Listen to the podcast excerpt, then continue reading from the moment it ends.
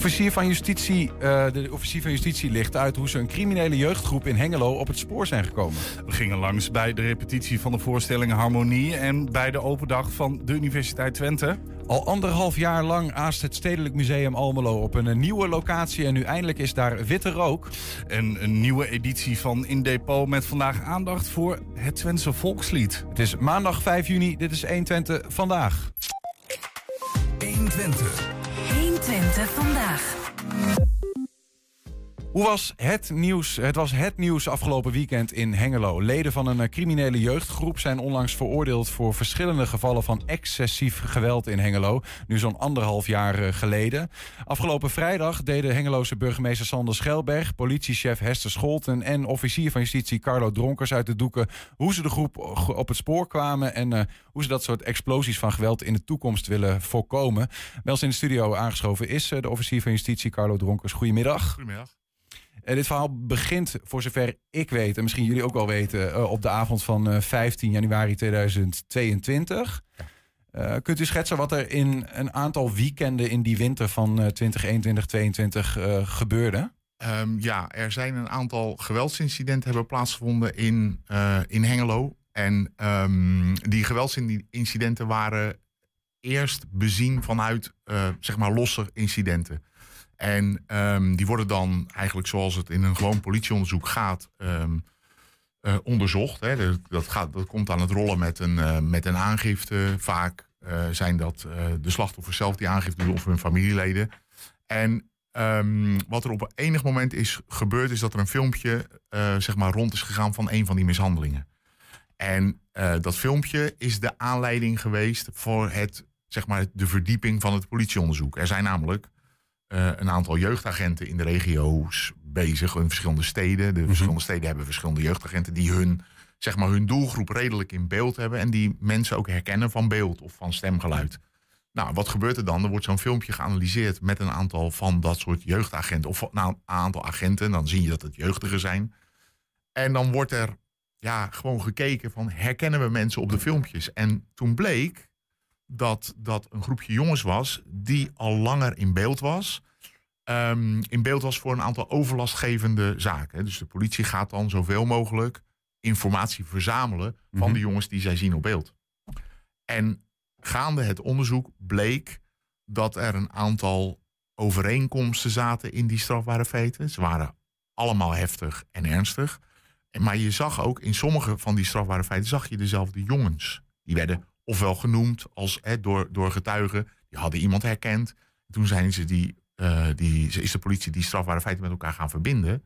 Er was al informatie over een hele grote groep jongens die wel voor overlast zorgden, maar geen strafbare feiten pleegden, geen ernstige strafbare feiten pleegden. Nou, dat hebben we met elkaar gecombineerd. Ja. En dan kwam je uiteindelijk tot een dadergroep, zeg maar, tot een verdachte groep. Nu ja. inmiddels een dadergroep, want er is een hele behoorlijke groep veroordeeld. Ja. Ik begreep dat uh, de politiechef, Hester Scholten, mm -hmm. Uh, toen ze uh, nou ja, eigenlijk het, het, het, het, in beeld kregen van hey, het, is een, het is een patroon. Uh, dat ze de burgemeester heeft opgebeld en letterlijk de woorden heeft gebruikt: wat de fok is hier aan de hand? Ja, nou ze ja, schrok ervan. Ja, nou ja, kijk, weet je, um, kijk, ik doe al langer strafrecht. Ja. En politie ook. Hè, dus die, wij schrikken, we schrikken natuurlijk nog steeds van heftige incidenten. Um, maar we hebben natuurlijk wel het een en ander gezien. Maar de heftigheid van deze feiten was zo. We, we, zij kon eigenlijk hier geen. Uh, er, was, er werd niet echt bijvoorbeeld geld gepikt of wat dan ook. Het leek gewoon eigenlijk, wat we vroeger in de wandelgangen noemden, zinloos geweld. Hè? Random geweld, zeg maar. Er waren mensen gewoon op het verkeerde moment op de verkeerde plek. En omdat het zo heftig was. En omdat het zo snel op elkaar volgde, namelijk drie weekenden, vier weekenden achter elkaar, mm -hmm.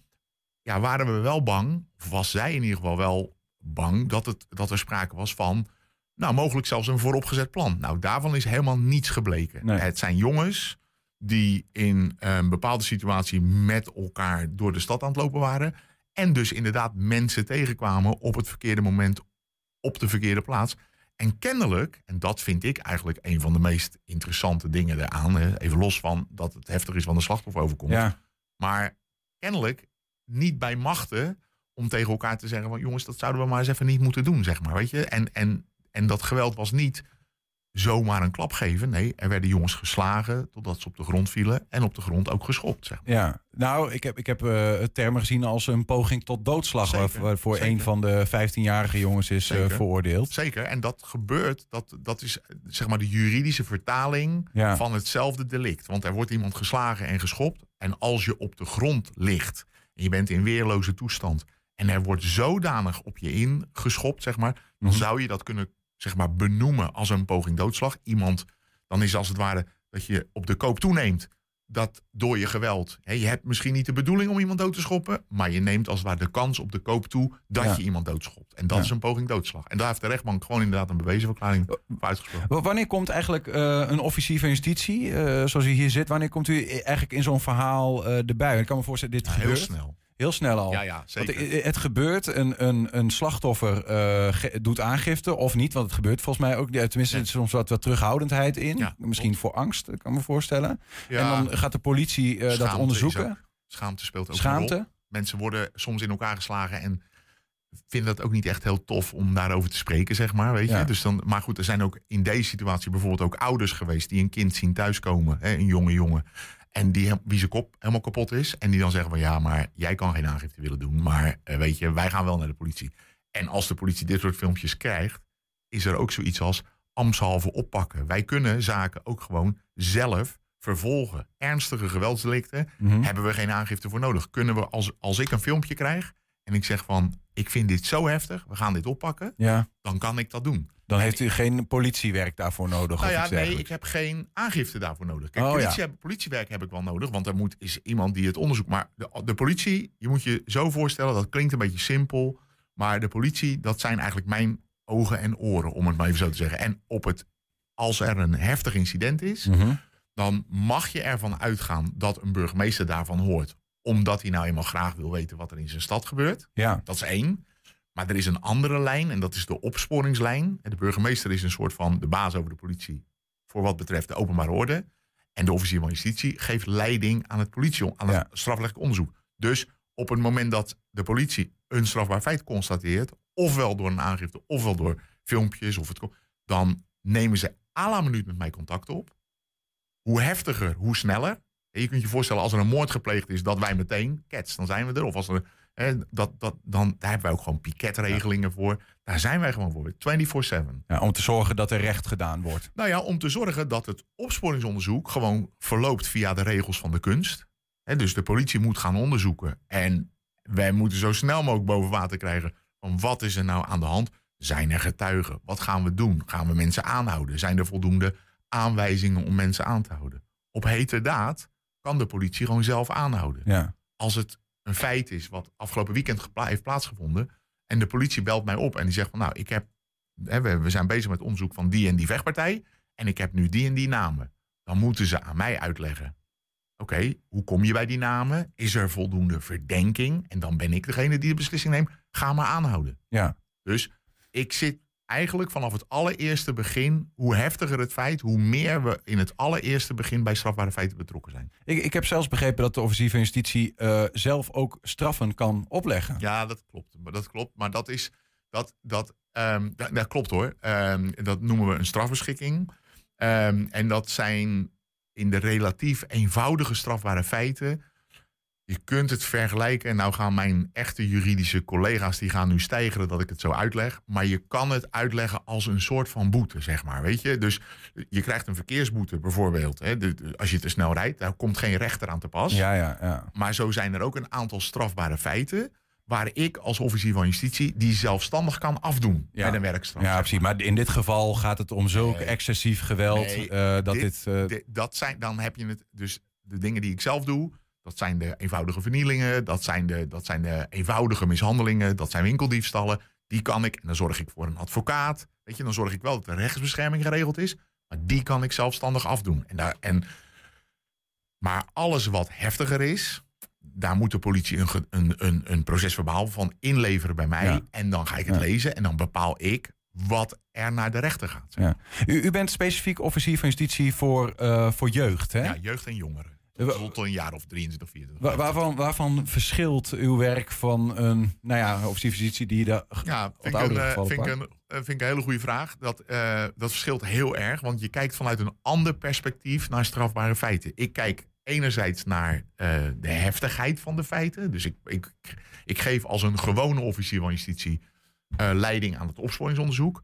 Maar in, ehm, eh, in de wet staat ook, er is een apart jeugdstrafrecht met een apart eh, sanctie, ma- sanctieapparaat. Zeg maar. Er zijn aparte straffen voor. Mhm. Er wordt dan op een iets andere manier gekeken naar jeugd. En waarom is dat? Omdat jongeren in de tot, ja, tot een jaar of 23, 24, 25 ja, groeien op en maken fouten. Dus van mij kan verwacht worden dat ik een bepaald strafbaar feit bekijk vanuit het perspectief ook van opgroeien. Dus aan de ene kant straffen, maar aan de andere kant ook naar de toekomst kijken en proberen na te denken: oké, hoe ga ik er nou voor zorgen dat, ehm, dat aan de ene kant er recht gedaan wordt aan het slachtoffer, maar dat er aan de andere kant ook ja, nagedacht wordt over hoe gaan we er nou voor zorgen dat dit soort feiten stoppen? Of dat dit soort jongens ook gewoon nog aan hun toekomst kunnen gaan werken. Ja. Want dat is een, ook een keerzijde van het plegen van strafbare feiten.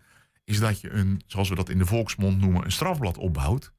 En dat strafblad kan een soort van rem zijn op je loopbaan, op je carrière, om het maar even zo te zeggen. Ja. Op je studie. Op Want u stage. bent feitelijk eh, eh, als officier van justitie de, de aanklager, Ja, toch? En- Ik, ik bepaal, ik ben de, ja, de enige persoon in Nederland, hè, de officier van justitie, is de enige die de toegang tot de rechter bepaalt. Dus ik bepaal wat er met een zaak gebeurt. Ja. Dus als, een, als de politie een onderzoek heeft gedaan, komt dat bij mij of mijn collega's. Ja. En wij bepalen wat gaan we ermee doen. ja. Bij, om het heel gechargeerd gezegd te, eh, te zeggen, heel, heel, om, om het heel overdreven te zeggen, wij bepalen dus of we er wel iets mee doen Ja. of we brengen het naar de rechter. Maar betekent dat ook dat een officier van justitie voor jongeren soms eh, sneller de afweging maakt van we gaan dit überhaupt niet voor de rechter ehm, eh, brengen? Ja, of, ik, of ik maak de, de strafeis wat lager en ik zorg dat er een andere manier is om die jongeren ehm, nou ja, wel Ja. te laten voelen dat het anders moet. Maar Nou ja, met een moeilijk woord noemen we dat de pedagogische notie van het jeugdstrafrecht. Het is eigenlijk, het jeugdstrafrecht valt gewoon uiteen in een, een aantal aspecten. En één van die dingen is dat heropvoedingsaspect. Dus wij kunnen als het ware dat, dat momentum van dat strafbare feit kunnen we gebruiken om bijvoorbeeld verplichte begeleiding aan te stellen. Of verplichten dat, dat jongeren zich houden aan bepaalde voorwaarden. Niet op een bepaalde locatie gaan hangen. ja. Eh, verplicht, naar, ik bedoel, iedereen moet naar school. Maar als, Ja. als het heel slecht met iemand gaat, kan ik toezicht houden op of iemand daadwerkelijk naar school gaat, bijvoorbeeld. Ja, ja, ja. Nou, wa- want er komt een interessant ander ding bij. Ehm, de, de jongen waar we het eerder over hadden, 15 jaar, eh, veroordeeld voor poging tot doodslag, ehm, eh, krijgt twee, 226 dagen jeugddetentie, eh, waarvan 180 voorwaardelijk. Ehm, krijgt een taak en leerstraf van samen 235 uur. Ja. Moet de schadevergoeding die is ontstaan. En hij wordt verplicht begeleid door jeugdreclassering tijdens een proeftijd van twee jaar. En toch, eh, dus dat is dan de, de, nou ja, de, de eis en de, uiteindelijk de rechter die uiteindelijk dat vonnis uitspreekt. Ja. Eh, toch kwam die vrij op het moment dat dat vonnis wordt uitgesproken. Terwijl Ja, eh, nou, er- is toch ook een onvoorwaardelijke gevangenisstraf ik dit Zeker, zo maar hij had die, die onvoorwaardelijke gevangenisstraf eh, al eh, uitgezeten, om het maar even zo te zeggen. Kijk, je moet het zo zien. Ja, ja. Als ik met het onderzoek bezig ben, dan geef ik dus, als het ware, toestemming aan de politie om iemand te gaan aanhouden. En naarmate de betrokkenheid groter is van iemand, kan iemand naar een, op dat moment al naar een rechter gebracht worden en komt hij gewoon vast te zitten. Deze jongen, en we noemen dat voorlopig hechtenis, is verder ook niet zo boeiend hoe dat heet, maar die komt dus vanaf het moment dat hij opgepakt wordt vast te zitten. Ja. En dan gaan we, terwijl die vastzit, komt er een psychologisch onderzoek. Terwijl het vastzit, eh, va- vastzit gaat de Raad van de Kinderbescherming thuis kijken van wat is nou de opvoedingssituatie. Ja, En dan wordt er een plan gemaakt en dan wordt iemand dus na, weet ik veel, drie maanden, ja. mag hij naar huis. Onder hele strakke voorwaarden. En een van die voorwaarden is bijvoorbeeld, nou ja, geen nieuwe strafbare feiten plegen, maar ook gewoon naar school. Eh, op, niet op die locatie. eh, of een bepaalde leerstraf alvast gaan doen, zeg maar. Mhm. Doet hij dat niet, en, dan worden gewoon, en dat zijn echt hele harde afspraken. Die, die afspraken maakt hij. Ik, ik kook dat voor als het ware. Maar uiteindelijk is er een rechter die dat beslist. Ja. Je mag naar huis onder de voorwaarde dat. Ja. En als je je dan prima gedraagt tot het moment van de zitting, dan wordt daar rekening mee gehouden op het moment van de zitting. Dus dan hoef je, in mijn woorden, wat mij betreft, hoe ernstig dat strafbare feit ook is, hoef je niet terug naar de gevangenis. Nee, nee. Maar krijg je dus wel een grote voorwaardelijke gevangenisstraf. Als je dan weer een fout grote fout maakt, Ja. ga je gewoon de bak in. Ja. En dat vertellen we ze ook gewoon Ja. gewoon Nederlands. ja, precies. Maar goed, deze jongen had dus eh, bij het, eh, in, in die voorlopige hechtenis... had, Had- hij die dagen al uitgezeten... die Precies. hij als onvoorwaardelijke zelfstraf had opgelegd gekregen. precies. Ehm, het, eh, gebeurt het ook wel eens? Want er zijn natuurlijk ook mensen die zeggen van... hé hey jongens, een poging tot doodslag. deze man die, die had aangevallen had er niet meer kunnen zijn. Dat moet gewoon keihard worden aangepakt. Ehm, eh, dat mensen bij u komen en zeggen van... wat is het nou voor, voor slappe hap? ja, En dan is de tweede vraag... is het, uw, eh, is het een soort van... is het een, een gevoel wat je erbij hebt? Of is dit ook gewoon van een, een soort van...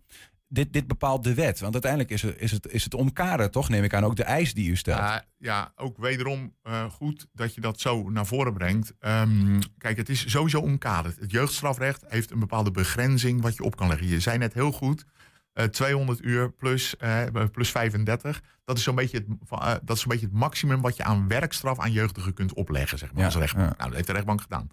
Eh, detentiestraffen tot 16 jaar is het 1 jaar maximaal. Tot 18 jaar is het 2 jaar.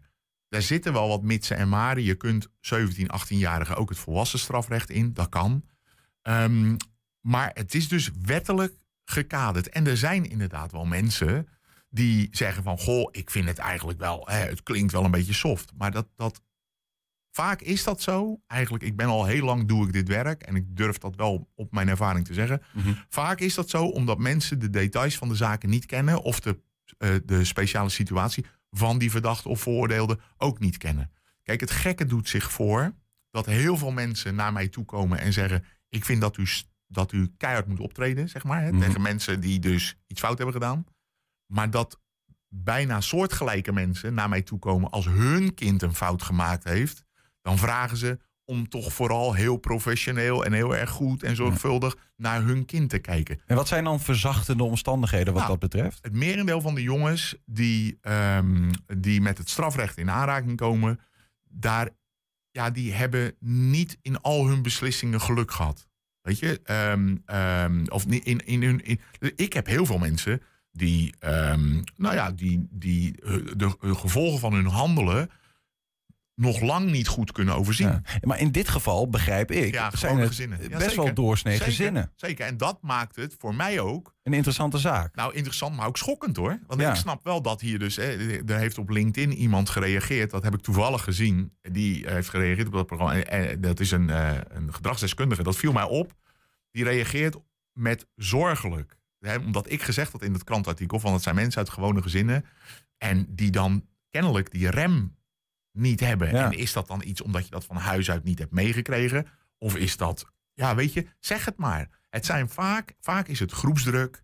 Er is natuurlijk de- ja, ik ben natuurlijk al een stuk ouder. Ehm, er is natuurlijk wel wat veranderd eh, eh, sinds dat ik eh, jong was en af en toe wel eens een vechtpartij had. En want dat hoor ik in Twente ook wel. Ja, vroeger hadden we ook wel eens een vechtpartij. Ja. Maar nu, met de huidige sociale media, is er veel meer het gevoel van je moet in de praktijk brengen wat je zegt. Dus als je vroeger zei van eh, jij komt nog wel, zeg maar Ja. is het nu, wordt het opgeschreven, jij komt nog wel. En komen er heel vaak situaties waarbij jonge mensen elkaar tegenkomen van jij had toch een grote bek tegen mij. Hè? Wat zei jij dan met je komt nog wel? En dan in, niet in deze casus, maar in andere casussen hebben mensen dan alleen al omdat ze weten dat het komt een mes bij zich. Hè? Tegenwoordig is het messengebruik onder jongeren, onder hele gewone jongeren ook groot. Ja. Dus het is een beetje, ik noem dat een beetje practice what you preach. Weet je, er zijn dus mensen die zeggen op sociale media: als, jij, als ik jou tegenkom, dan ben je aan de beurt. Doordat ze dat opgeschreven hebben, hebben ze ook het gevoel dat ze niet meer terug kunnen, zeg ja, maar. Ja, ja. ja, maar dat, dat is, dan onderschrijf ik wel hè, zorgelijk als dat een systeem is. En het is ook een beetje de vraag natuurlijk van... eh, ehm, eh, eh, ook gekeken naar deze zaken, hoe, hoe gaan jullie daar dan mee om? Even zeg maar als apparaat, eh, politie, Nou ja, eh, burgemeester, officier nou justitie. Want wat we nou juist hebben, eh, wat, wat vooral de burgemeester heeft proberen uit te dragen, is dat het een gemeenschappelijke verantwoordelijkheid is. Ik woon en werk al een tijdje in Twente. Dus ik heb ehm, in Enschede, in Hengelo, in Almelo, heb ik allemaal van dat soort groepjes wel gezien. En er waren hele betrokken eh, burgemeesters, zoals in, in Enschede nog met Den Oudste, was er op Zuid, was er, waren er ook wel wat dingetjes, om het maar even zo te zeggen.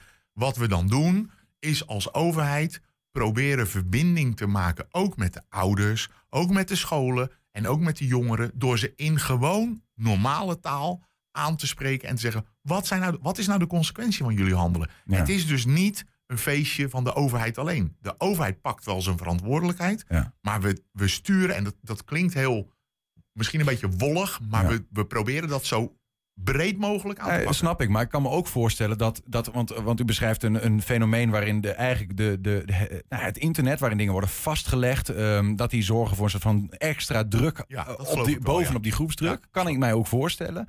Ehm, dat, het, dat het ook vraagt dus om nog meer eh, opvoeding op de, op, de, op de scholen. Meer dan dat het anders was misschien wel. Nou ja, goed. Weet je, nou heb ik een onderwijsachtergrond. Ehm, en ik vind al dat wij heel erg veel op het bordje van het onderwijs gooien, zeg maar. Weet je? Eh, er, er, er worden, kinderen zijn, er krijgen geen ontbijt, dus gaan we op school ontbijten. Ik, ik vind het geweldig de betrokkenheid van de maatschappelijke organisaties zoals scholen dat ze hun verantwoordelijkheid pakken. Maar hier zit natuurlijk, ja, en dat klinkt misschien wel een beetje oude lullerig, maar hier zit natuurlijk ook gewoon een opvoedingsaspect in. Er zijn ook ouders die gewoon moeten durven verantwoordelijkheid nemen. Ja, nu ga ik wel heel erg. Maar weet je, je moet ook gewoon weten waar. Ik vraag me soms echt oprecht af, en dat klinkt heel ouderwets, maar ik vraag me soms echt af of, of ouders weten waar hun kinderen mee bezig Mee zijn. bezig zijn. En ja. of ze durven te vragen, bijvoorbeeld, hoe kom jij aan die Canada Goose jas? Bijvoorbeeld. Er hangt nu opeens een andere jas op de kapstok. Ja. Ja, geruild. Moet je dat nou echt allemaal geloven? Weet je, ik wil niet dat je de telefoon van je kind... Weet je, je hoeft niet de telefoon van je kind te gaan controleren of wat dan ook. Maar het zou mij wel wat waard zijn... als ik soms ouders zou spreken die zeggen van... ja, maar hij heeft ook recht op zijn privacy. Ja, dan denk ik, ja, tot zekere hoogte vind ik dat. Ik, ik, we moeten het gesprek gaan afronden, Ja. helaas. Want het is een heel interessant onderwerp, denk ik. Eh, en, en bewegingen die bepalend zijn uiteindelijk, eh, zelfs voor mensenlevens soms. Zeker. Eh, maar die beginnen bij een, een post op een so- sociaal medium, of TikTok of weet ik veel wat. En goed, ik, ik hoor dit eigenlijk voor het eerst. Hè, de, misschien de beweging die erachter kan zitten. Namelijk dat groepsdruk wordt vastgelegd feitelijk. Nou, ik kan me ook voorstellen dat voor ouders en, en opvoeders in het algemeen... dat het go- goed is om daar bewust van te zijn. Van, Ik denk dat jonge mensen thuis, en ik denk dat dat altijd zo is geweest. Ik denk alleen dat dat nu iets meer naar voren komt. Ik denk dat jonge mensen thuis anders zijn. Er zijn het ongetwijfeld allemaal hele lieve, aardige jongens. Dat, Ja. dat is zo. Maar als ze in zo'n groep zijn en het gevoel hebben dat ze moeten, dat ze moeten meedoen, Ja, dat ze dan. Dat, want ik heb op zitting ouders gezien die hun eigen, die het gewoon niet geloofden wat er werd eigen voorgelezen. kind niet zagen. Echt niet. Ja. Die het Ook echt in dit specifieke geval Zeker. bij zo'n bridgegroep? ik heb in deze groep heb ik een moeder gezien van een heel gewoon gezin. Die in tranen uitbarstte en echt zei van ik schaam me zo van wat hier is gebeurd in de richting van slachtoffers. Mm. En toen heb ik alleen maar tegen dat ventje gezegd die er zat. Ik zeg weet je, ik zeg dat je hier van mij niks aantrekt. Allemaal prima. Zeg maar je moet eens omkijken. Ik zeg kijk eens wat er zit nu op de, op de tribune. Kijk eens, kijk eens, want dat heet een tribune. Ik zeg kijk eens naar je moeder. Ik zeg dat is de grootste recidieve beperkende factor. Ja, als dat je, je werkt daar- ook het best, denk als je ik. je daar maar wat van aan zou trekken. Zeg maar. Ja, ja. Nou, duidelijke boodschap, eh, officier van justitie Carlo Dronkers. Dank voor de, voor de komst, voor de uitleg. En eh, ja, eh, succes met het, het werk om het land en, en, en voor, voor, voor daders en voor slachtoffers Nee, veilig te houden. Bedankt ook voor jullie tijd. En het is gewoon belangrijk dat we hier met z'n allen intrekken, in optrekken, zeg maar. Dankjewel. Dank, succes. Zometeen al anderhalf jaar lang aast het Stedelijk Museum Almelo op een nieuwe locatie. En nu eindelijk is daar witte rook. 120 vandaag. Ja, gekleurde vloeistoffen waar voorwerpen in blijven drijven. Zwevende blokjes waar rook afkomt. Een scala aan robots en de wind door je haren voelen in een windtunnel. Bezoekers van het Open Huis van de Universiteit Twente keken zaterdag hun ogen uit.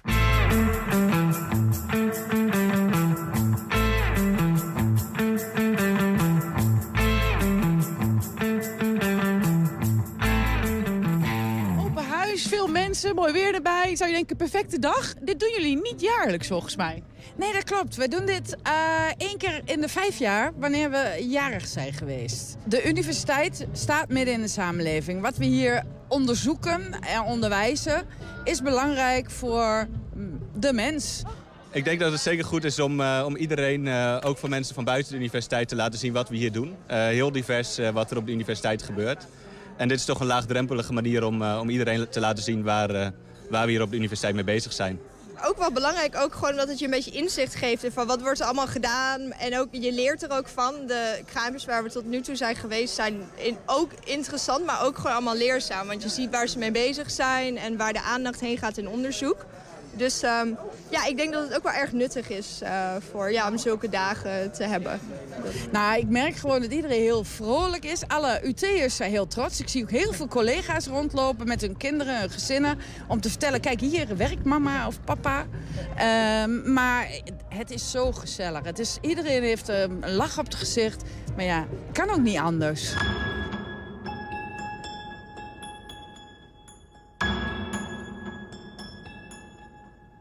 Ja, wij zijn al op veel plekken geweest. En ik denk, wat jullie hier doen, dat heeft wel qua look meteen wat, wat spectaculairs. Ben je het met me eens? Ja, zeker. Hele spectaculaire proefjes eigenlijk om uh, de jeugd kennis te laten maken met techniek. Ja, hier laten we het principe van supergeleiding zien.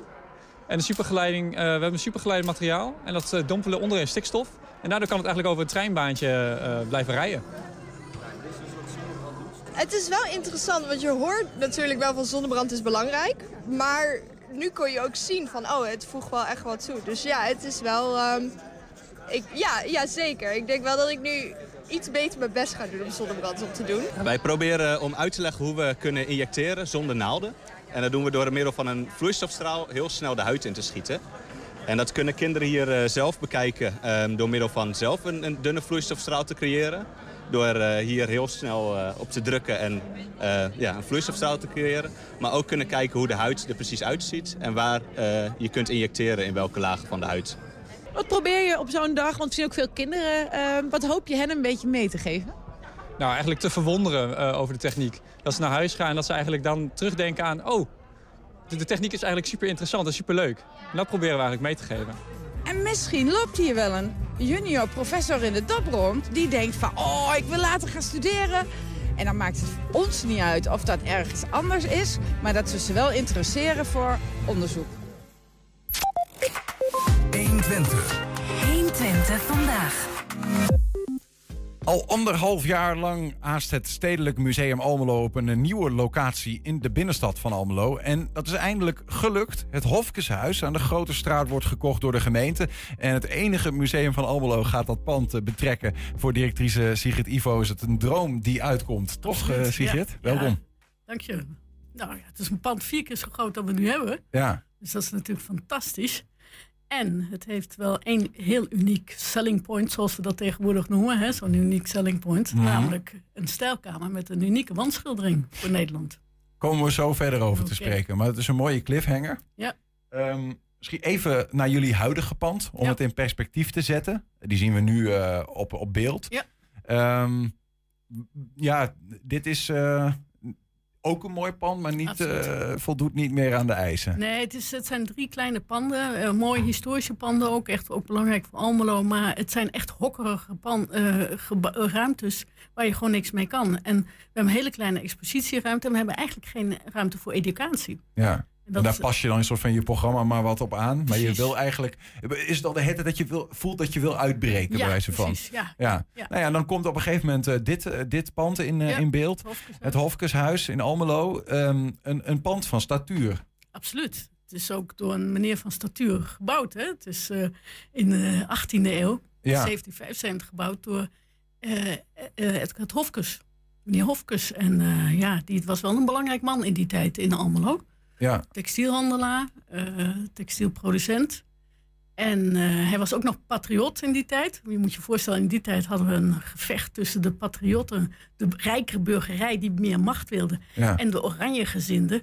Uh, die wilden eigenlijk dat de oranje stadhouders en misschien zelfs koningen werden. Ja, de tijd van de Franse. Revolutie, Amerikaanse Vrijheidsoorlog. Hij kwam op voor de rechten van het volk, zeg ja, maar. Ja, en dat is natuurlijk allemaal wat... Uh, kijk, uh, daar moesten we voor de arbeiders moesten we nog heel lang wachten. Hè? Ja. Maar we praten nu een beetje over de betere burgerij. Ja, ja, precies. Ja. Dat was nog een andere tijd wat dat betreft. precies. Um, maar goed, is dat, is dat ook belangrijk dat, je, dat zo'n zo'n pand... Heeft geeft dat nog wat extra jeu aan het Stedelijk Museum Almelo? Ja, het is natuurlijk... Kijk, uh, we hebben geen Van Gogh of zo in ons pand hangen. Hè? Wel in de collectie.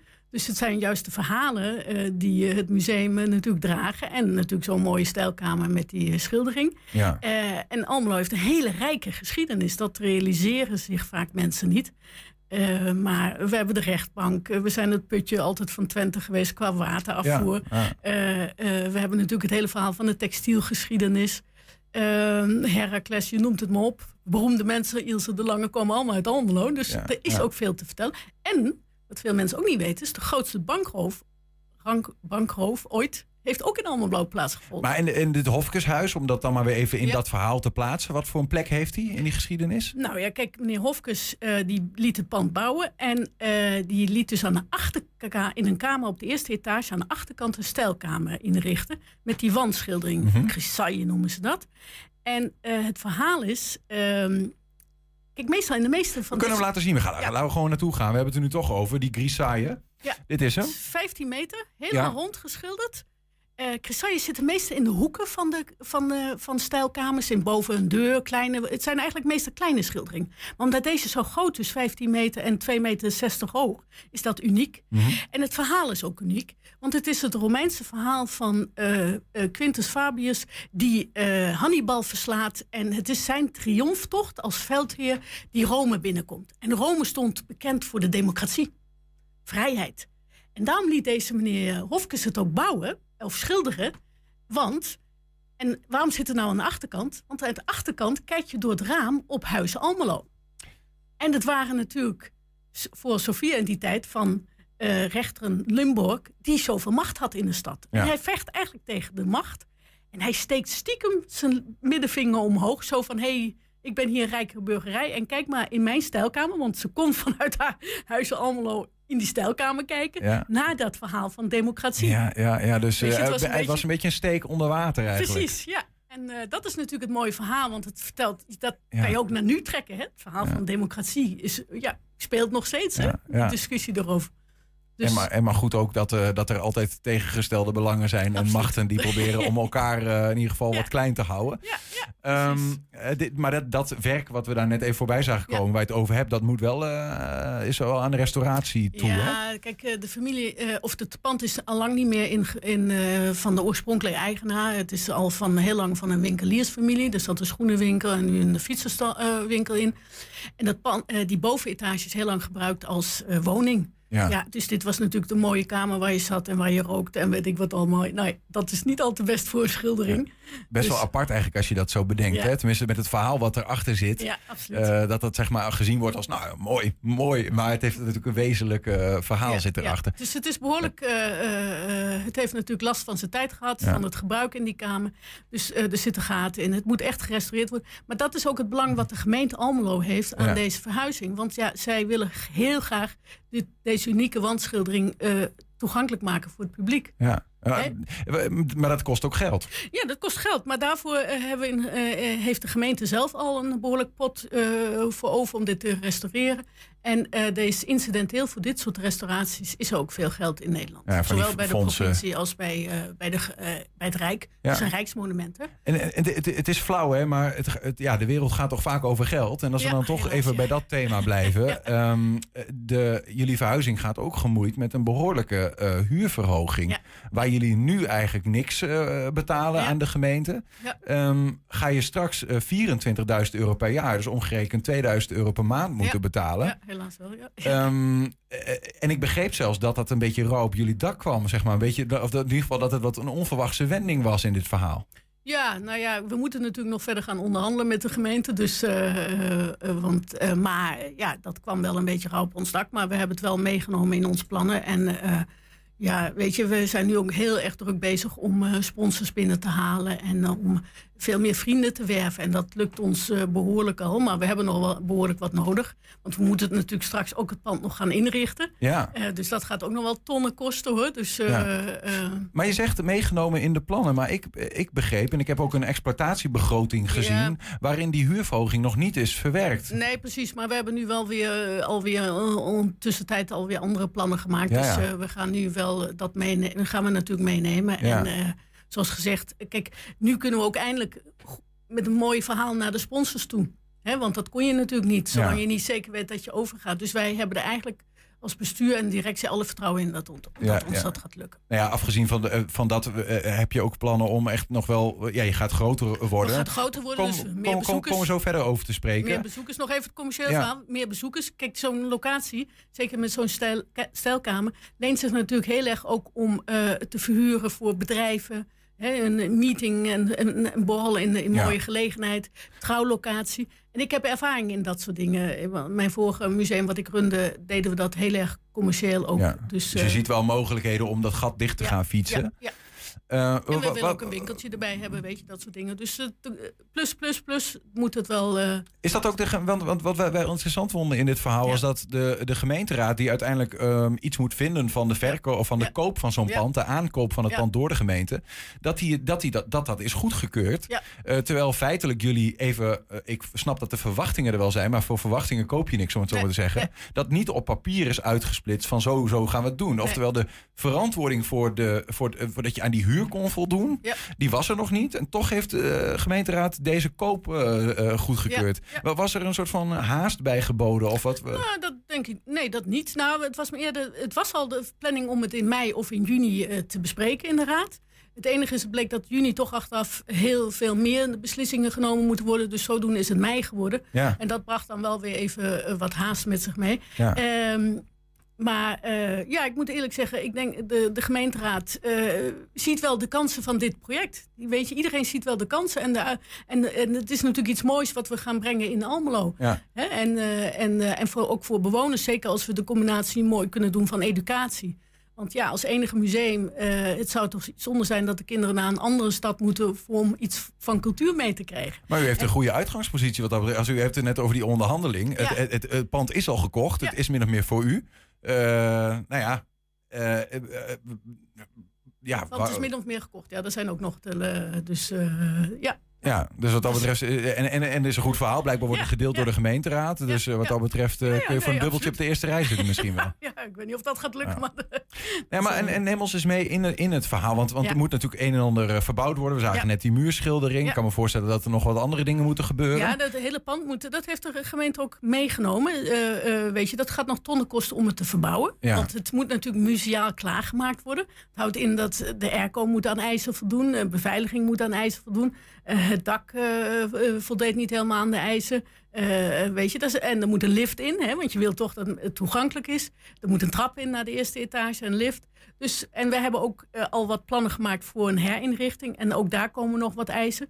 Dus dat gaan we natuurlijk inderdaad gaan we verder uitwerken. Ja. En ook daar weer hebben we, weet je, want het gaat altijd combinatie, als je maar een goed inhoudelijk verhaal hebt.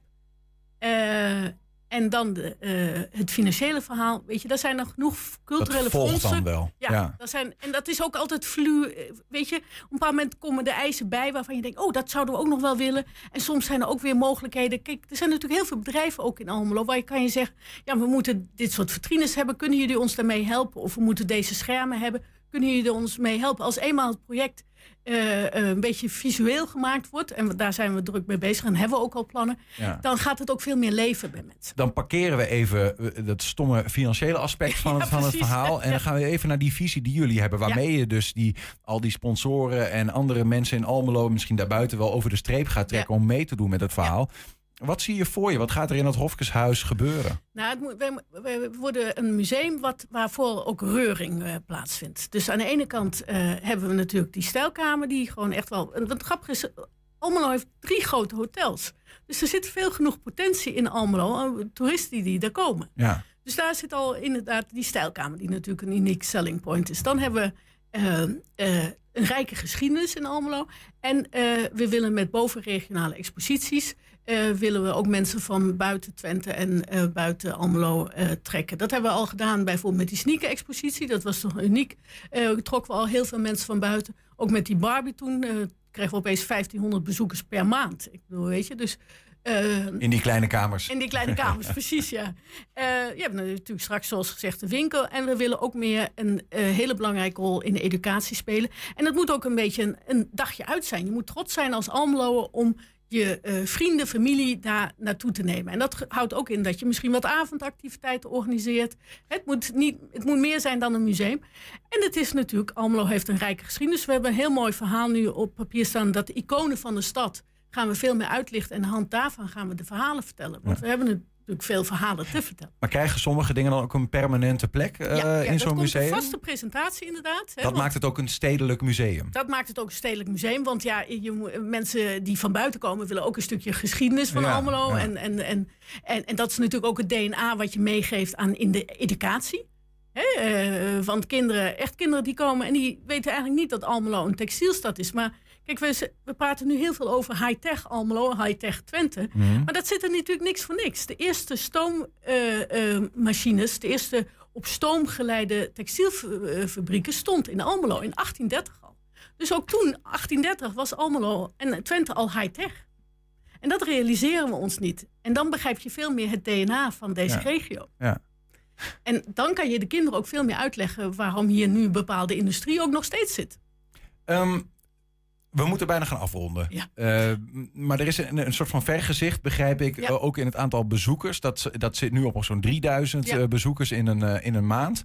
Naar We hebben 10.000. wel wat last gehad van corona, hè? laten we het zo zeggen. Kijk, toen met die sneaker tentoonstelling hadden we zeker rond de 6000 gezeten. Ja. En Barbie misschien zelfs meer. Dus, eh, maar ja, dat moet inderdaad naar de 10.000. En het liefst natuurlijk nog meer. Maar nou ja, de, er de, de- in de ver- gemeenteraadsvergadering is zelfs 20.000. Ja, eh, en ja. dan hebben we het over per maand, hè? even Ja, voor ja. alle helderheid. Nee, of niet? per jaar. Per, per, per jaar. per jaar, sorry. Ja, ja. Per jaar eh, genoemd. Ja. Ehm, eh, is dat iets wat vanzelf gaat? Of, Nee, dat gaat niet vanzelf. Zoals gezegd, dan moet je die mooie combinatie maken toch van veel publiciteit om, om die stijlkamer heen, om die unieke schildering. Eh, zorg dat je iedere keer weer in de publiciteit komt en ook zowel inderdaad eh, ook natuurlijk veel in de regio, maar ook daarbuiten. Ja, het heeft PR eh, eh, eh, is een kwestie van continu eraan werken. Ja. Dus steeds proberen continu bekender te worden. Ja, precies. Dat, maar ook daarin alle vertrouwen dat dat... Ja, en ook daarin heb ik inderdaad met het vorige museum veel ervaring. Dus, Ja. en we hebben een goed team wat dat betreft. Ja, veel vrijwilligers, maar wel een enorm enthousiast team vrijwilligers die gewoon eh hard lopen voor hun eh, museum. Is er nog een risico? Of eh, als dingen niet lukken bijvoorbeeld? Stel Nou dat ja, je die, die huur niet, dicht nou, kan fietsen of we, iets we, dergelijks? hebben, we hebben bedacht, weet je, kijk, echt, we gaan nu een heel mooi plan met een designbureau in Amsterdam doen. Opera Amsterdam Studio Louter. Die hebben ook zowel nationaal als internationaal werken ze. Met echt ook grote dingen hebben ze gedaan, maar ze doen ook kleinere dingen. Mhm. En het leuke is, een van de eigenaren komt uit, oorspronkelijk uit Almelo. Dus daarom heb ik hem ook gevraagd. En hij wist natuurlijk meteen waar ik over sprak, over het Hofkeshuis. Ehm, eh, kijk, en natuurlijk maak je eerst een heel uitgebreid plan van... zo zou je het willen, dat is je droom, droominrichting.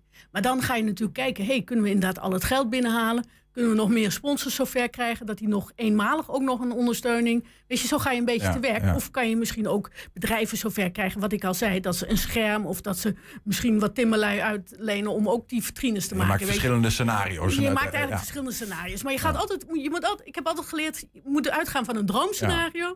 En dan ga je daarna een beetje afschalen en denken, oh, we gaan dit op een andere manier oplossen. Dat Succes met het uitwerken van het droomscenario. Wanneer ga je er intrekken? Wanneer is het plan? Nou, dat duurt nog wel, eh, ik denk, 17 maanden. Ja, het is, Ah, dat is niet zomaar even... Geduld is een schone zaak. eh, ja, precies. Sigrid, Ivo, dankjewel. En eh, da- veel plezier met het eh, Stedelijk Museum in Almelo. Die dus een nieuwe plek krijgt in het Hofkeshuis. Oh, dankjewel, Niels. Dank je. Zometeen een nieuwe editie van In Depot met vandaag aandacht voor het Twentse volkslied. We zijn ook als podcast te vinden via alle bekende platforms 120 Vandaag of 120 Vandaag uitgelicht. 120. 120 vandaag. Ja, in het donker naar de theaterzaal geleid worden en niet weten wat je eigenlijk ziet. Dat gebeurt bij het muziektheaterstuk Harmonie. De voorstelling wordt tussen vrijdag 30 juni en zaterdag 22 juli gespeeld in het Wilming Theater en Muziekcentrum Enschede.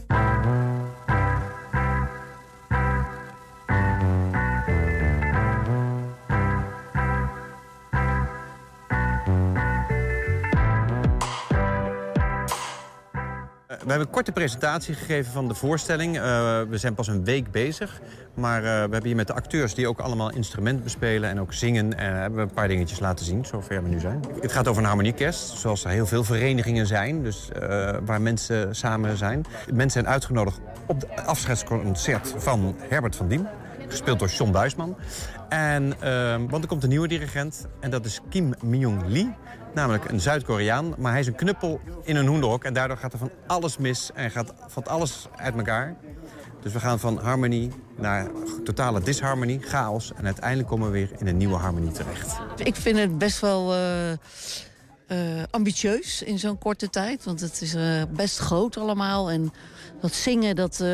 ja, ik ben geen zanger. Ja, ik kan wel zingen. Maar zo, je hebt het net gehoord, die dingen tussendoor, dat komt allemaal heel nauw. En, maar dat is een uitdaging, dat is ook leuk. Nee, gaat het nou? Nee, stond niet in de agenda. Ja, ik kijk Dit heet een euphonium, heb ik ook net geleerd. Uh, ja, het is een trompetachtige. Het is, uh, geloof ik, een bariton trompet. Dus een soort lage... Ja, hij, hij speelt veel lager natuurlijk dan dan een trompet. Dat doet ook een echt, uh, echt harmonieorkest mee met ons. Dus we zijn met acht acteurs waarvan er een man of vijf, zes dus allemaal een instrument bespelen, min of meer. Maar er zit dus dat echte harmonieorkest zit er ook nog eens bij. Dus nou, ik, ik denk dat wij wel mee kunnen blenden in, uh, in het geheel. Ja, de show wordt nu gemaakt hier in Enschede. Uh, dat is een, heel, natuurlijk een heel groot proces van uh, scriptschrijvers, decormakers. Uh, die komen allemaal hier samen en hebben een, lange tijd om deze voorstelling te maken. daarna staat hier ook echt exclusief, vier weken lang hier in, het, in Enschede. En ja, als de voorstelling natuurlijk een groot succes is... dan gaan we kijken van of die nog op meer plekken in het land te zien gaat zijn. De acteurs die repeteren nu ongeveer twee weken. Ze zijn begonnen in Amsterdam. nou, de meeste acteurs komen uit Amsterdam. Dus dat was eigenlijk in praktisch gezien heel erg handig om, de, om daar te gaan repeteren. Uh, en vandaag uh, staan ze in Enschede voor het eerst in het decor. Nou ja, nu zien we dat alles samenkomt. Dat is altijd weer een mooi moment. Um, en nu gaan ze hier vol repeteren. dit weekend komt het orkest erbij. En zo worden, gaan we langzaam toewerken naar de eerste voorstelling eind juni. Het is een surprise afscheidsconcert voor Herbert. mensen worden dus buiten opgevangen. Gaan via een alternatieve route komen ze uiteindelijk in een donkere zaal. Want hij mag van niks weten. Uh, er worden ook alle stoelen worden eruit gehaald en er komen ook tafeltjes en stoeltjes. En er wordt ook heel veel in de zaal gespeeld en met de mensen gespeeld en tussen de mensen doorgespeeld. Ja, ja het is echt, echt een leuk script. En de zaal gaat ook meedoen. Er speelt zich heel veel af in en om het theater. Echt in het gebouw ook. Het wordt heel... Nou ja, ik denk dat het publiek echt, echt een hele toffe avond tegemoet gaat. Ik ben heel trots op wat we produceren. En, uh, en dit is echt een pareltje. Want het is echt uh, een lang idee uh, die al een hele tijd ligt. Waar we ook goed over nagedacht hebben. waar de makers ook echt alle tijd in geïnvesteerd hebben. En we zijn heel erg blij dat we dat nu aan het publiek kunnen gaan laten zien. 120. 120 vandaag. Er ligt tussen Dinkel en Regge een land. Omvloerste zacht zingende stemmen, een plechtig gehezen vlag met een wit ros op een bloedrode achtergrond, handen op de borst. Het Twents volkslied wordt gezongen. Maar eigenaardig, al die warmhartige tukkers zingen in algemeen beschaafd Nederlands. Ja, en hoe is dat zo gekomen? Hoe Twents is dat volkslied eigenlijk? En wie heeft het bedacht? Edwin Plokker, collectiebeheerder van het Enschedeze Museumfabriek, heeft een unieke versie van het volkslied uit het depot gevist. Edwin, ja, ja uh, bestaande ruimte volgens mij, ik weet niet of je hier, maar in ieder geval opnieuw ingericht. Wat, waar staan we? De bibliotheek. Dit is de bibliotheek? Dit is de bibliotheek. En die is, wordt nu ingericht op dit moment? Ja, ja, en binnen heel kort kan je hier informatie aanvragen. Er zit hier een team van, uh, van mensen. En als je vragen hebt over wat dan ook, van astronomie tot aan insecten... Uh, we hebben alle boeken over alle mogelijke onderwerpen. Het is een historische bibliotheek. Dus... Hey, en en uh, we staan hier ook omdat, nou ja, ik, dan neem ik aan dat in ieder geval een aantal van deze objecten een plek gaan krijgen of hebben in deze bibliotheek? Nou ja, we zijn bezig deze ruimte aan het inrichten. En dan komen ook onze archieven komen weer uh, boven water. Hè. Dus ergens uh, uh, moet je een plek vinden voor die archieven. Nou, daar zijn we nu mee bezig. En toen kwam ik het archief van J.J. van Dijnsen tegen.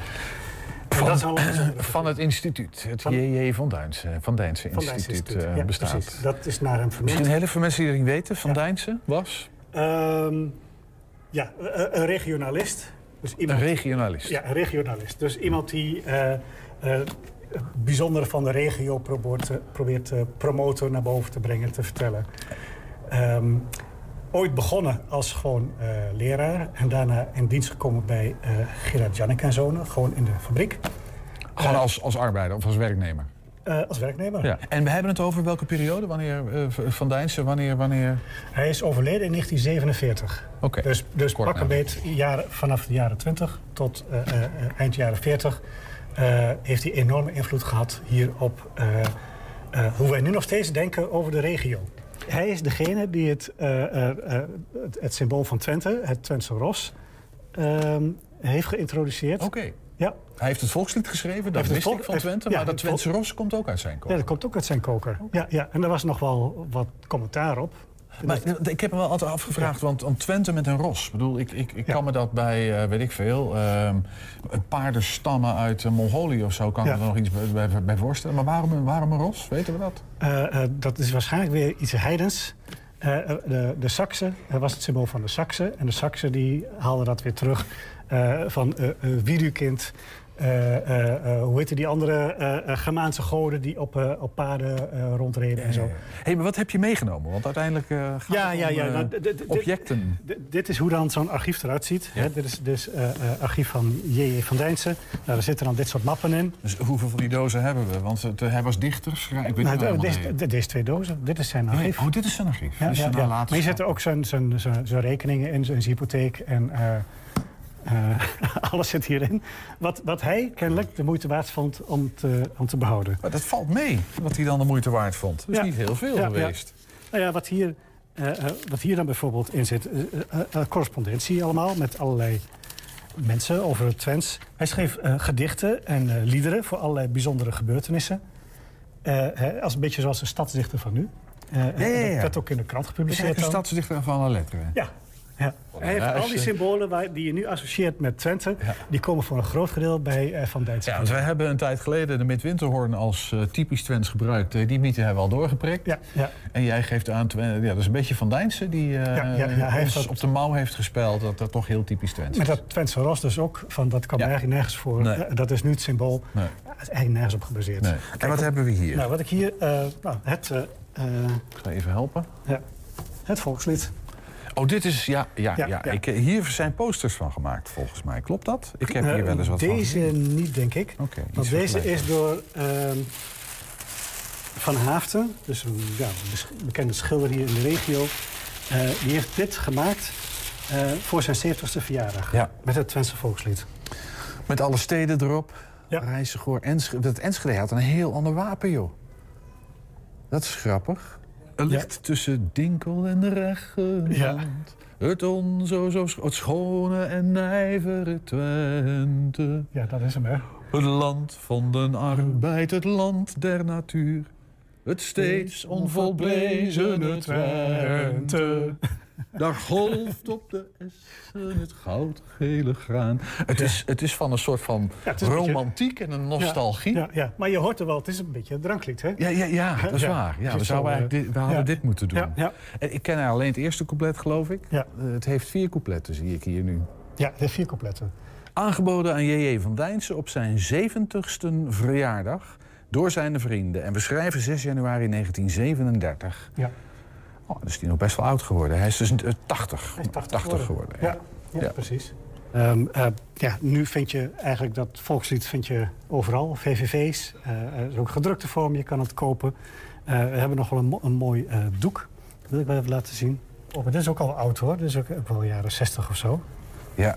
Eh, met, met, is- met een, hoe kneuterig wil je het krijgen? Met een boerderijtje, met een, met een. Waterput. Een waterput. En hier eh, op, de, op de zijkant heb je dan eh, eh, het volkslied. Er ligt tussen Dinkel en Regge een land. En dan weten wij wel welk land dat is. Namelijk Ja, een land nou ja, dat precies. vol romantiek Ja. en, eh, en authenticiteit. En kennelijk, kennelijk proberen ze toch een soort trots op de regio te krijgen. Ja, ja dat op Want- zich is dat niet zo raar natuurlijk. Ja, nou ja, ik bedoel van, eh, eh, nog steeds heb je wel dat, eh, het gevoel van dat eh, eh, eh, toch een beetje minderwaardigheidscomplex. Nog, dat idee heb ik altijd. En, en dat, dit gaat ook wel over trots op de regio. Ja. Weer een doek? Weer een doek. Dit is een doek uit 1951. Ja. Dus eh, nou ja, Van Densen die was net een, paar jaar overleden. Ehm die staat er niet de volkslied op, maar wel allerlei dingen waar uh, Twentenaren uh, trots op zouden moeten zijn. Ter gelegenheid waarvan werd dit doek uitgegeven? Uh, ter gelegenheid van de elektrificatie van de spoorwegen. Ah, ik ja. zie inderdaad station Oldenzaal, Enschede. De ja. stations staan ja, erop. Ja. Dus, dus, dus, in 1951 was de, het hoofdspoorwegennet... Uh, dat werd van... Nou ja, voor tijd had je uh, stoom en diesel. als je elektrisch rijdt, dat is gewoon economisch voordeliger. Dus men had dit aangelegd. De spoorlijn die bij Almelo binnenkomt... en die naar Enschede gaat met een aftakking naar Oldenzaal... Die kwam in 1951 gereed. Ja, en hier heb je de rest van Overijssel met een beetje paling. De rest van Overijssel. Ja. En, en de, het sterkste nog, je hebt hier uh, Holland, Utrecht, Zeeland... Ja. met een pijl naartoe naar de Twentse kolonie. Oké, okay, dus over de IJssel gaan we richting de Twentse kolonie. Ja, precies. Ja, meneer Van Dijnsen, we danken u zeer hartelijk. Ja. Um, en we romen de valse romantiek een klein beetje af. Maar Twente blijft een mooie regio. Tuurlijk. En het is toch leuk dat je een vlag en een volkslied hebt. Ja, absoluut. He? Ja, hij moet nog in het Twents, vind ik. Ja, nou, is het dus wel. Is het dus, is, maar, is van, okay. van Vloedbelt. Uh, uh, ja. Mooie tekst. Ja, zoeken we op. Ja. Dankjewel, man. Mooi. Graag gedaan. Ja, al dus uh, Ernst Bergboer en Edwin Plokker over uh, het Twentse volkslied... maar ook over degene die dat uh, maakte, namelijk... Jacobus Johannes van Dijnsen, aangeschoven iemand die die man en ook het volkslied goed kent... omdat hij er al jarenlang onderzoek naar doet. Willy Berends, welkom. Ja. We zaten te kijken en je zegt, nou, ik heb wel wat uh, kanttekeningen bij dit verhaal. Nou ja, het is... Uh, Van Dijnsen heeft het Saxenros als voorbeeld genomen. Ja. Maar je kunt een wit stijgerend ros... dat vind je in de hele geschiedenis zo vaak terug. Dus je kunt... Ja, die, die, die kun je eigenlijk overal wel weghalen. Ja. Tacitus zei in de eerste eeuw al dat het meest heilige dier van de Germanen was een wit ros. Uh, ja, dus, ja. ja. Dus de, maar, en het paste wat dat betreft mooi. Hij dacht van, nou hups, we doen zo'n wit ros, sterk, ja. sterk beeld. En Noord-Rijn-Westfalen en Neder-Saxen hebben het, hetzelfde ros natuurlijk ook in hun uh, wapenset. Hè? Ja. Dan moet je niet aan. Uh, maar het komt wel vanuit die Saxen. Ja. ja. ja.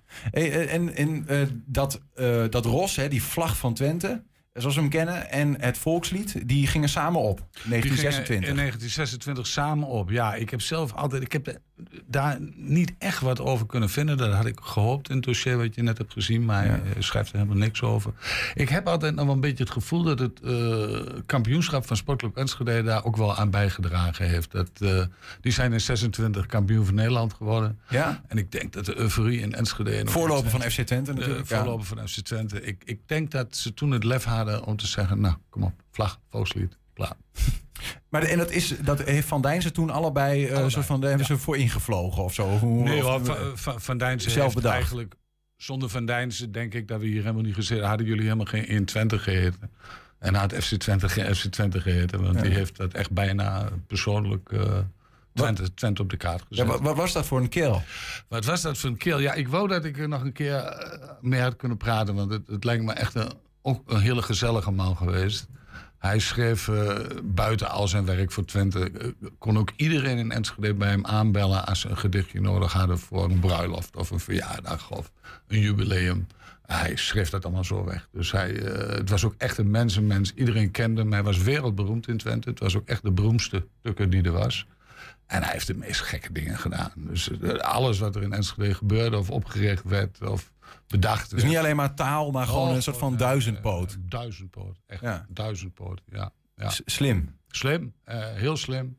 Hij uh, kon niet studeren omdat er niet genoeg geld was. Ja.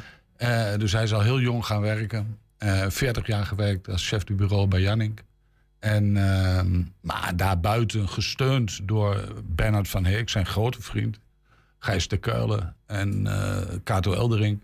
Maar vooral financieel gesteund door de familie van Heek. Dat, uh, dat, is, dat is heel helder. Heeft hij ja, eigenlijk alles kunnen doen wat hij wou. En, dat is, uh... maar, en toch, hij, hij maakt dan een, een, een lied dat uiteindelijk soort van dan maar geadopteerd wordt tot volkslied. Want ja. het heeft men nooit echt een formele status of zo gekregen. Maar dat lied is nog wel wat op af te dingen als het gaat om het, het volkslied. In die zin dat het is geen Twents. Nee. Uh, het is afgeleid van een Duits lied. Ja.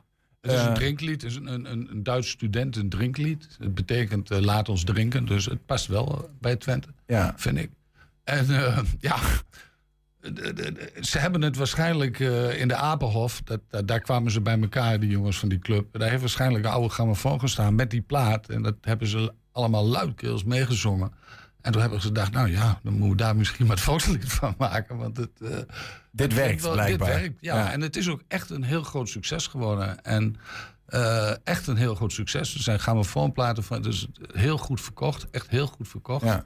En dat hij niet in het Twents heeft geschreven, ja, dat, dat, dat, dat zijn nog steeds natuurlijk sommige mensen zijn daar toch wel teleurgesteld over. Je zou ook zeggen, een Twents volkslied, ja, zou je in het Twents moeten schrijven. Maar in 1926 is dat denk ik nog net iets te gedurfd geweest. Dus, Hoe bedoel je dat? Ja, er stond toen ook nog nooit Twents in de krant. Hè? Dat moet je ook niet vergeten. Het was... eh, oh. Sorry, Het, staat iemand voor de deur. het, was, eh, het was, om het zo maar te zeggen, not done. Dus het, het, was wel echt heel boers, zeg maar. Ja, ja.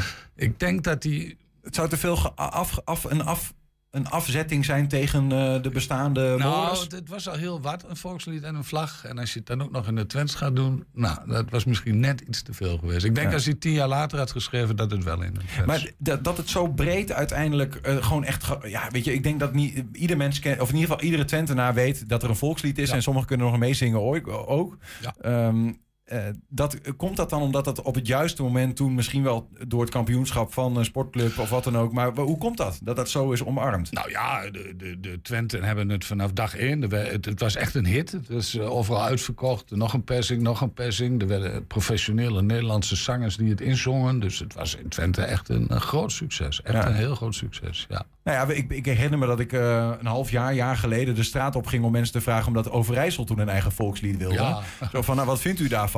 Nou, meer dan één keer dat ik het aan mijn hoofd kreeg van ben je gek of zo? We hebben toch een volkslied? En eh, sommigen gingen hem nog zingen ook. Ja. Nou ja, donderdag eh, was ik in Heerenveen. En ja, daar speelden ze natuurlijk gewoon voor elke wedstrijd het Friese volkslied. En dat wordt eh, prachtig meegezongen door alle Friesen. Dus het, ja. Ja, ja. Hey, de- nog terugkomend op dat, op dat stalen, of op dat stalen ros, op het, eh, op het ros, op het Twentse ros. Hè, de, de rode vlag, wit ros erop. Ehm, dat is dus niet per se een soort van speculatie waar dat er vandaan komt. Dat is gewoon een vaststaand gegeven dat, de, de, de, dat voor de Saksen dat, dat ros een belangrijk symbool was. Een, een wit paard was voor de Twente eh, al in de eerste eeuw het meest heilige dier wat er bestond.